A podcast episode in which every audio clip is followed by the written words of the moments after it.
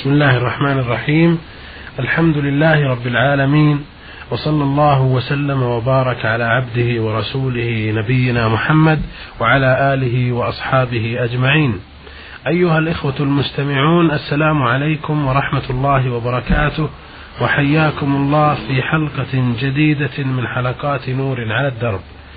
في هذه الأمسية المباركة يسرنا أن نعرض ما وردنا من أسئلة واستفسارات على سماحة الشيخ عبد العزيز بن عبد الله بن باز الرئيس العام لإدارات البحوث العلمية والإفتاء والدعوة والإرشاد.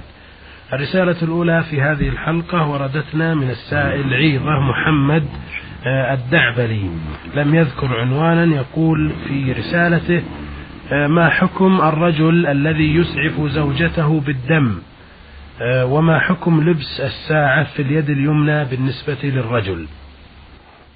بسم الله الرحمن الرحيم. الحمد لله والصلاة والسلام على رسول الله وعلى آله وأصحابه ومن اهتدى بهداه. أما بعد فإسعاف الرجل لزوجته بالدم ليس فيه محذور ولا يؤثر في النكاح. وليس مثل الرضاع بل الرجل أن يسعف زوجته وللمرأة أن تسعف زوجها ولا حرج في ذلك والحمد لله. أما لبس الساعة فيجوز في اليمين وفي اليسار. وقد ثبت عن النبي صلى الله عليه وسلم أنه تختم في يمينه تارة وفي يساره تارة وهذا لبيان التوسعة فالساعة مثل ذلك. إذا لبسها في اليمين أو في اليسار فلا بأس. نعم. بارك الله فيكم. يسأل أيضا ويقول ما حكم لعن الرجل لزوجته وهل تحرم عليه بذلك أم لا؟ لعن الرجل لامرأته أمر منكر ومن كبائر الذنوب. وهكذا لعنه للناس. فاللعن من الكبائر ولا يجوز للمسلم أن يتعاطى ذلك مع إخوانه المسلمين. وقد صح عن رسول الله صلى الله عليه وسلم أنه قال لعن المؤمن كقتله وهذا يدل على عظم الخطر حتى شبهه بالقتل فدل ذلك على أنه من كبائر الذنوب. وقال عليه الصلاة والسلام سباب المسلم سباب المسلم فسوق وقتاله كفر متفق على صحته. فدل على أن السباب وهو اللعن والشتم من الفسوق يعني من المعاصي. فوجب تركه والحذر منه. وقال عليه الصلاة والسلام إن اللعانين لا يكون شهداء ولا شفعاء يوم القيامة. وجاء عنه عليه الصلاة والسلام أنه قال ليس المؤمن بالطعان ولا اللعان ولا الفاحش ولا البذي فلا يجوز المسلم يلعن زوجته. وليس لها أن تلعن زوجها وليس له يلعن أولاده وليس لها أن تلعن أولادها وهكذا غيرهم من المسلمين. لا يسبهم ولعنهم ولا تحرم عليه زوجته بذلك. لو أنه لعنها لم تحرم بذلك فزوجته باقية على حلها له. لكنه قد أساء وعليه التوبة إلى الله وعليه استسماح زوجته مما حصل من لعنها. ولا حول ولا قوة إلا بالله. نعم. بارك الله فيكم. في آخر رسالة الأخ عيضة محمد يقول ما حكم من صلى بالدخان في جيبه وهو ساه أو متعمد؟ الدخان من المحرمات الضارة بالإنسان وهو من الخبائث التي حرمها الله عز وجل. وهكذا بقية المسكرات من سائر أنواع الخمور لما فيها من المضرة العظيمة واغتيال العقول وهكذا القاتل المعروف في اليمن محرم ما فيه من المضار الكثيرة. قد نص الكثير من العلم على تحريمه. والدخان فيه خبث كثير وضرر كثير. فلا يجوز شربه ولا بيعه ولا شراؤه ولا التجارة فيه. وقد قال جل وعلا في كتابه العظيم يسألونك ماذا أحل لهم؟ قل أحل لكم الطيبات. فأمر الله النبي صلى الله عليه وسلم أن يقول للناس أحل لكم الطيبات. فلم يحل الله لنا الخبائث.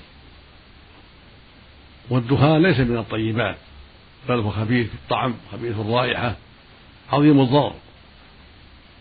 بالإنسان وهو من أسباب موت السكتة ومن أسباب أمراض كثيرة فيما ذكر الأطباء منها السرطان. فالمقصود أنه مضر جدا وخبيث وحرام البيع والشراء وحرام التجارة. أما الصلاة وهو في الجيب فلا يضر الصلاة. الصلاة صحيحة لأنه شجر ليس بنجس ولكنه محرم ومنكر كما سبق. ولكن لو صلاه في جيبه عامدا أو ساعيا فصلاته صحيحة. لكن يجب عليه الحذر منه والتوبة إلى الله مما سلف من تعاطيه. رزق الله مسلم العافية منه ومن سائر ما يغضبه سبحانه. ومما جاء في هذا المعنى قوله سبحانه في وصف النبي صلى الله عليه وسلم ويحل لهم الطيبات ويحرم عليهم الخبائث. فصرح سبحانه في هذه الآية أن نبينا صلى الله عليه وسلم يحرم علينا الخبائث وهي ضد الطيبات. والطيبات أباحها الله لنا ويسرها لنا فضلا منه سبحانه وتعالى. والخبائث من الخمور والميتات والخنازير والكلاب وأشباهها مما حرم الله. ومن ذلك الدخان وأشباهه. هذه خبائث حرمها الله على عباده تطهيرا لهم وحماية لهم مما يضرهم. فالحمد لله على ذلك. نعم. بارك الله فيكم وجزاكم الله خير. هذه رسالة وردتنا من السائل محمد السيد أحمد من مصر يسكن في العراق. يقول في رسالته آه، أنا أعمل في العراق وأقوم من الصباح ولا أرجع إلا بعد المغرب ولا يظل عندي وقت لأجل أن أصلي ومكان الماء بارد جدا ولا أستطيع الوضوء. فأؤجل الصلاة فما الحكم في ذلك؟ الواجب على المسلم أن يتقي الله أينما كان وأن يذكر أنه موقوف بين يديه سبحانه ومسؤول يوم القيامة عما قصر فيه وعما ارتكبه من حرام وعما ضيعه من واجب. والله يقول سبحانه يا أيها الناس اتقوا ربكم واخشوا يوما لا يجزي والد عن ولده ولا مولود هو جاز عن والده شيئا إن وعد الله حق. فلا تغرنكم الحياة الدنيا ولا يغرنكم بالله الغرور. ويقول سبحانه يا أيها الذين اتقوا الله ولتنظر نفس ما قدمت لغد واتقوا الله إن الله خبير بما تعملون. والصلاة هي عمود الإسلام وهي أعظم واجب بعد الشهادتين. فلا يجوز للمسلم أن يضيعها في الوقت من أجل حظه العاجل ودنياه العاجلة فيجب عليك أيها السائل أن تصلي الصلوات في أوقاتها وليس لك تأخيرها من أجل أعمالك الدنيوية بل عليك أن تصليها حسب الطاقة فإن استطعت أن تتوضأ بالماء ووجدت ماء تستطيع الوضوء به ولو بالتسخين وجب عليك ذلك. فإن لم تجد إلا ماء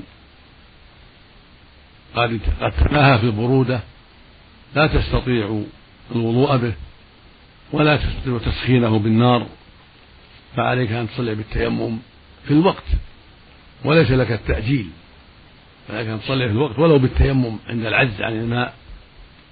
كالمسافر الذي يكون في البر ليس عنده ماء يتيمم ويصلي. أما تأجيل الصلاة من أجل الرفاهية أو من أجل الحظ العاجل من الدنيا والأعمال الدنيوية فهذا منكر عظيم وفساد كبير وخطر عظيم. لا يجوز للمسلم فعله أبدا. نعم. بارك الله فيكم وجزاكم الله خير. يقول آه، يسكن معي واحد مسيحي ويقول لي آه، أخي ونحن إخوة ويأكل معنا ويشرب. هل يجوز هذا العمل أم لا؟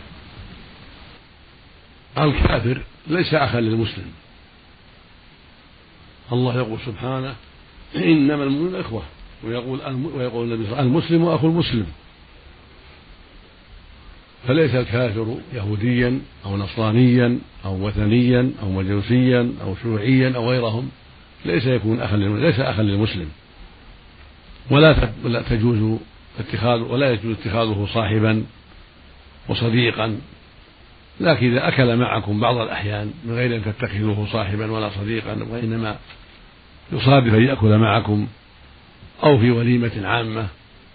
أما اتخاذه صاحبا وصديقا وجليسا وأكيلا فلا يجوز لأن الله قطع بينه وبينهم الموالاة والمحبة قال سبحانه وتعالى في كتابه العظيم قد كان لكم أسوة حسنة في إبراهيم والذين معه إذ قالوا لقومهم إنا براء منكم ومما تعبدون من دون الله كفرنا بكم وبدا بيننا وبينكم العداوة والبغضاء وبدا حتى تؤمنوا بالله وحده حتى تؤمنوا بالله وحده. قال سبحانه لا تجد قوما يؤمنون بالله واليوم الآخر يوادون من حاد الله ورسوله يعني يحبون ولو كانوا آباءهم أو أبناءهم أو إخوانهم أو عشيرتهم الآية. فالواجب على المسلم البراءة من أهل الشرك وبغضهم في الله. ولكن لا لا يؤذيهم ولا يضرهم ولا يتعدى عليهم بغير حق. لكن لا يتخذهم أصحابا ولا أخدانا. ومتى صادف أن أكلوا معه أو أكل معهم في وليمة عامة أو طعام عارض من غير صحبة ولا ولا ولاية ولا مودة فلا بأس. نعم. بارك الله فيكم وجزاكم الله خير. الرسالة الثالثة في هذه الحلقة وردتنا من السائلة أحلام زومان إبراهيم من العراق الأنبار. تقول في رسالتها نحن نسكن في بيت بجوار المقبرة. وقد اندثرت هذه المقبرة منذ زمن طويل يقارب ثلاثين عاما. وقد أنشئت فوق هذه المقابر حدائق وبساتين وأثمرت الأشجار وأكلنا من ثمارها. فهل يجوز لنا هذا الأكل أم لا؟ المقابر لا يجوز جعلها حدائق ولا بساتين بل يجب احترامها. إذا كانت للمسلمين يجب احترامها وتسور وتصان ولا تمتهن. هذا الواجب على المسلمين أن يصونوا مقابرهم وأن وأن لا يمتهنوها بالسير عليها أو بسير السيارات عليها أو الجلوس عليها. أو إلقاء القمامات عليها أو اتخاذها حدائق أو ما أشبه ذلك. لكن لو فعل ذلك من لا من لا يبالي بأمر الله فحرثها وأزال آثار القبور واتخذها بساتين فقد أثم وحرم عليه هذا العمل وأساء لكن ما ينبت فيها من النخيل والأشجار ثمارها حلال لمن أكلها لأن الثمار غير امتهان المقبرة. الثمار في الشجر إنما هي من ماء من الماء والأرض والهواء وليس له تعلق بالموتى. الحاصل أن امتحانها واستعمالها حدائق أمر لا يجوز. والواجب حمايتها وتسويرها وصيانتها عما يؤذي الموتى. والمسلم محترم حيا وميتا. ولا يجوز امتهان قبره بالوطي عليه ولا الجلوس عليه ولا البول عليه ولا إلقاء القمامات عليه. لكن متى فعل ذلك من لا يبالي وأزال أثار القبور واقترف المعصية؟ وجد في هذه المحلات أشجار مثمرة فلا نعلم بأسا في أكل الثمرة ولكن يجب أن ينصح هؤلاء وأن يبين لهم أنهم أخطأوا فيما عملوا وأساءوا وأن الواجب بقاؤها مقبرة وإزالة ما فيها من الأذى وصيانتها وتسويرها حتى لا تمتهن وإزالة ما فيها من الأشجار إذا كانت القبور بحالها لم تنبش. نعم. وإذا كانت مسبلة أو مسبلة أو مقبرة قديمة فالواجب أن تبقى للمقابر. إذا كان فيها بقية يدفن فيها أو نبشت وأزيلت آثار القبور فالواجب أن تبقى مقبرة حتى يدفن فيها من جديد لأن الذين سبلوها قديما وجعلوها مقبرة يريدون نفع المسلمين بها. فليس لأحد أن يزيل ما فيها من القبور وينتفع بها في حاجة نفسه. اللهم إلا أن يرى أولياء الأمور بالنظر الشرعي أن إزالتها أو استعمال أرضها عند ذهاب القبور وعند ذهاب الرفاة القبور ولم وعدم بقاء شيء من الرفاة فإذا أفتى حكام الشرع وعلماء الشرع بذلك لولاة الأمور تنقل المقبرة إلى محل آخر حينئذ. ينظر في مقبرة أخرى للمسلمين بدل هذه المقبرة. إذا كانت المصلحة تقتضي ذلك المسلمين لأنها وقعت بين الأحياء السكنية وضاقت على الناس وتعسر الدفن فيها أو لأسباب أخرى يراها علماء الشرع علماء الشرع حكام الشريعة. فذلك إلى حكام الشريعة في في في الإفتاء بجواز استعمال هذه ونبش ما فيها من القبور. ونقلها إلى مواضع إلى مقابر أخرى بعيدة عن الامتهان وعن الأذى هذا إلى علماء الشرع. أما أن يمتهنها الناس من دون فتوى شرعية ومن دون من دون نبش للقبور بوجه شرعي فذلك لا يجوز ومنكر. نعم. بارك الله فيكم وجزاكم الله خير. هذه رسالة وردتنا من السائل سين ألف عين من العراق محافظة ديالي وهي رسالة طويلة. في الحقيقة يضمنها مشكلة يقع فيها كثير من الناس. يقول أنا شاب مسلم أعبد الله وأريد أن أعمل بكتاب الله وسنة رسوله صلى الله عليه وسلم. ولكن المشكلة هي أنني أعيش في وسط قوم أكثرهم لا يصلون ولا يصومون ولا يتصدقون آه، ويعملون بالبدع ومحدثات الأمور ويحلفون بغير الله وينظرون لغير الله وبعض الناس يكفر بالله ورسوله باللفظ وأنا شاب أدرس في المرحلة المتوسطة وأكثر طلابها سيء وأكثر طلابها سيء الأخلاق لا يفعلون أوامر الله وتوجد معنا فتيات غير محجبات والمدرسات كذلك حتى أصبح فعل الشر سهلا وارتكاب المحرم ميسورا وأمور يطول شرحها. لكن والدي لا يسمح لي بأن أترك الدراسة وأنا أرغب أن أترك هذه المدرسة وأبتعد عن هذا الجو وأعمل في الزراعة وأعبد الله بعيدا عن شر الناس لكن والدي لا يسمح لي بذلك وأريد أن أسأل هل يجوز لي ترك المدرسة؟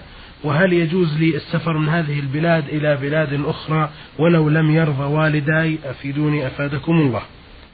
إذا كان الحال ما ذكره السائل فالواجب عليك ترك هذه المدرسة والحذر من شرها.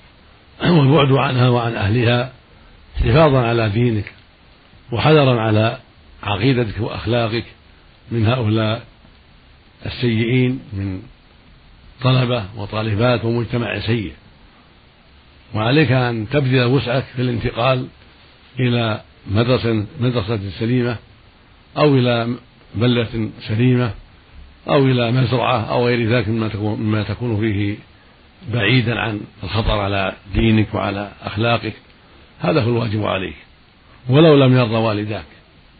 لقول النبي صلى الله عليه وسلم إنما الطاعة في المعروف. ويقول صلى الله عليه وسلم لا طاعة للمخلوق في معصية الخالق.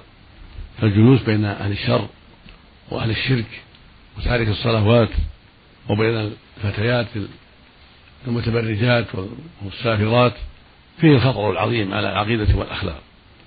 فلا يجوز المسلم البقاء على هذه الحال فيجب عليه أن يحذر هذا المجتمع ويبتعد عن هذا المجتمع إلى مجتمع أصلح وأسلم على دينه سواء رضي والداه أم لم يرضيا لأن الطاعة لهما إنما تكون في المعروف لا في المعاصي والله المستعان.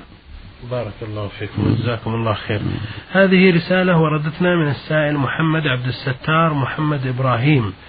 مصري الجنسية مقيم في الرياض يقول سؤالي هو أنه ينزل مني بعد البول سائل أبيض اللون مذي فما حكم وضوئي والطريقة الصحيحة في هذا الوضوء؟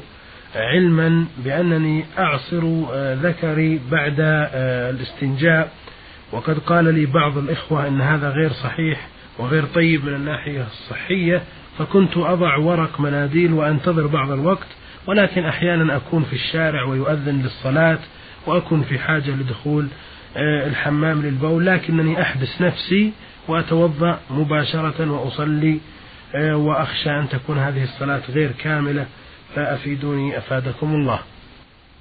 لا ينبغي التكلف في هذا الأمر وعصر الذكر في خطر عظيم وهو من أسباب السلس ومن أسباب الوساوس ولكن متى خرج البول؟ تستنجي والحمد لله. أو تستجمل والحمد لله الاستمار الشرعي. أما عصر الذكر والحرص على محاولة أن يخرج شيء هذا غلط ولا يجوز. وهو من أسباب الابتلاء بالوسوسة وساس البول. فينبغي لك أن تحذر هذا.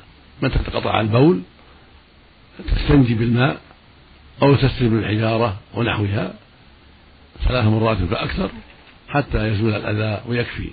وما يخرج من الماء الأبيض بعد البول وهو المذي أو الودي كله في حكم البول. سواء كان مذيا أو وديا تستنجي منه. لكن إذا كان مذيا وهو الذي يخرج بأسباب الشهوة يعني تحرك الشهوة يكون مذي وهو ماء الذي معروف. فهذا تغسل معه الذكر والأنثيين جميعا. تغسل الذكر والأنثيين كما جاءت به السنة. أما الماء الأبيض غير غير المذي وهو الودي فهذا حكم حكم البول. تغسل طرف الذكر الذي أصابه البول ويكفي كذلك والحمد لله. ولكن نحذرك بأن تبتعد عن عصر الذكر لأن هذا يسبب مشاكل يسبب السلس ويسبب الوساوس فاترك هذا ولا تعود إليه إن شاء الله. نعم. بارك الله فيكم وجزاكم الله خير. هذه رسالة وردتنا من السائل ألف ألف سين من سوهاج جمهورية مصر العربية يقول قد حلفت على زوجتي بالطلاق وصيغته أنت طالق ثلاث مرات أي كررت أنت طالق أنت طالق أنت طالق من مدة أربع سنوات تقريبا. وبعد ذلك أنجبت منها طفلان بعد الطفل الذي كانت تحمله يعني ثلاثة أطفال حتى الآن لأن الموضوع الذي أثار شعوري إلى الغضب والحلف وكان في نيتي أنه طلقة واحدة. كل ذلك علما بأنني سألت قبل رد اليمين فأفتوني بأنه طلاق بدعة لأنها كانت حامل وآخر قال أنه طلاق رجعة. عند ذلك أرجعت زوجتي بشهود بشهادة اثنين ومهر قليل جديد وعاشت معي حتى الآن. ولكنني آه، سمعت آه، فتوى من إذاعة المملكة العربية السعودية برنامج نور على الدرب فتوقفت عن مباشرة زوجتي حتى تفتوني فيما حصل. بارك الله فيكم. إذا كنت إذا كنت أردت بهذا التكرار التأكيد وأنك ما أردت إلا واحدة حين قلت أنت طالق أنت طالق أنت طالق إنما أردت واحدة وهي الأولى وكررت ذلك للتأكيد فإنه لا يقع إلا واحدة. وزوجتك معك على حل النكاح ولا حرج عليك إن شاء الله في ذلك. أما إذا كنت أردت إيقاع الثلاث تقع الثلاث. إذا كانت في ذاك الوقت حاملا كما قلت فإن الطلاق يقع. طلاق الحامل ليس بدعة بل هو شرعي. وإنما البدعة طلاق الحائض طلاق النفساء وطلاق المرأة في طهر جامعها فيه وهي غير حبلى لم يتبين حملها. هذا هو البدعة. أما طلاق الحامل فليس بدعة. وهكذا طلاق المرأة في طهر لم يجامعها فيها زوج لم يجامع لم يجامعها زوجها فيه ليس بدعة. فالمقصود أنك إذا كنت أردت التأكيد ما أردت إلا واحدة فلا ينبغي لك الوساوس وزوجتك حلال لك والواقع واحدة الواقع طلقة واحدة. لأن الأعمال بالنيات فما دمت نويت طلقة واحدة وكررت للتأكيد فإنه لا يقع إلا واحدة. والحمد لله. نعم. بارك الله فيكم. هذه رسالة وردتنا من غانا. من آه، سائلة سمت نفسها بابا آه، يندي. تقول أصحاب الفضيلة حفظكم الله تعالى وجزاكم الله خير لكنني سمعت آه، في إحدى حلقات البرنامج عن جواز استعمال الحبوب الذي يمنع الحمل. سمعت هذه الإجابة مرتين.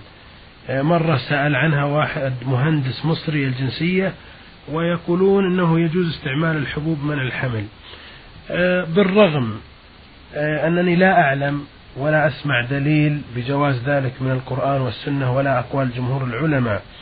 وأنتم تعلمون آه، أن هذه من أعمال النصارى والكفار لأنهم هم الذين صنعوها وأرسلوها إلى المسلمين ليقللوا أولاد المسلمين. والرسول صلى الله عليه وسلم حضنا على كثرة الولد في حديث أنس بن مالك رضي الله عنه كان رسول الله صلى الله عليه وسلم يأمرنا بالباءة وينهى عن التبتل ويقول تزوجوا الولود الودود فإني مكاثر بكم الأنبياء يوم القيامة رواه أحمد. أفتنا أفتاكم وأفادكم الله. قد أحسنت بارك الله فيك. ولا شك أن استعمال الحبوب من المسلمين لمنع الأولاد لا شك أنه من الدعاية العظيمة للنصارى. فالنصارى يدعون إلى هذا الأمر لتقليل أولاد المسلمين. ولكن ليس كل ما يدعون إليه يكون محرما. فإذا دعوا إلى شيء أباحه الشرع فدعوتهم لا تضرنا. وإذا دعوا إلى شيء حرمه الشرع فالواجب تركه. وإذا دعوا إلى شيء أباحه الشرع فلا بأس. فالحبوب فيها تفصيل. إذا دعت إليها الحاجة لأن المرأة مريضة لا تحمل الحمل أو مصابة في رحمها بشيء يضرها الحمل أو يسبب موتها وقتلها فلا بأس بترك الحمل ولا بأس بتعاطي الحبوب المانعة من الحمل. وهكذا إذا كانت كثرة الأولاد قد كثروا وتتابعوا عليها ويشق عليها التربية لهن يشق عليها التربية لهم لكثرتهم فإنها يجوز لها أن تتعاطى الحبوب بإذن زوجها لمدة يسيرة كالسنة والسنتين أيام الرضاعة حتى يخف عليها الأمر يخف عليها الأمر ويسهل, ويسهل عليها القيام بالتربية.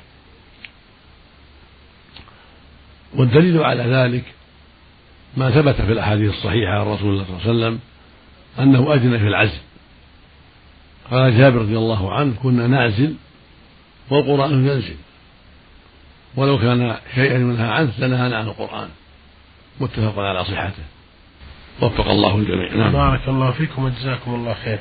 بهذا أيها الإخوة المستمعون نأتي إلى ختام هذه الحلقة والتي عرضنا فيها رسائل عيضة محمد الدعبلي ومحمد السيد أحمد مصري يعمل بالعراق.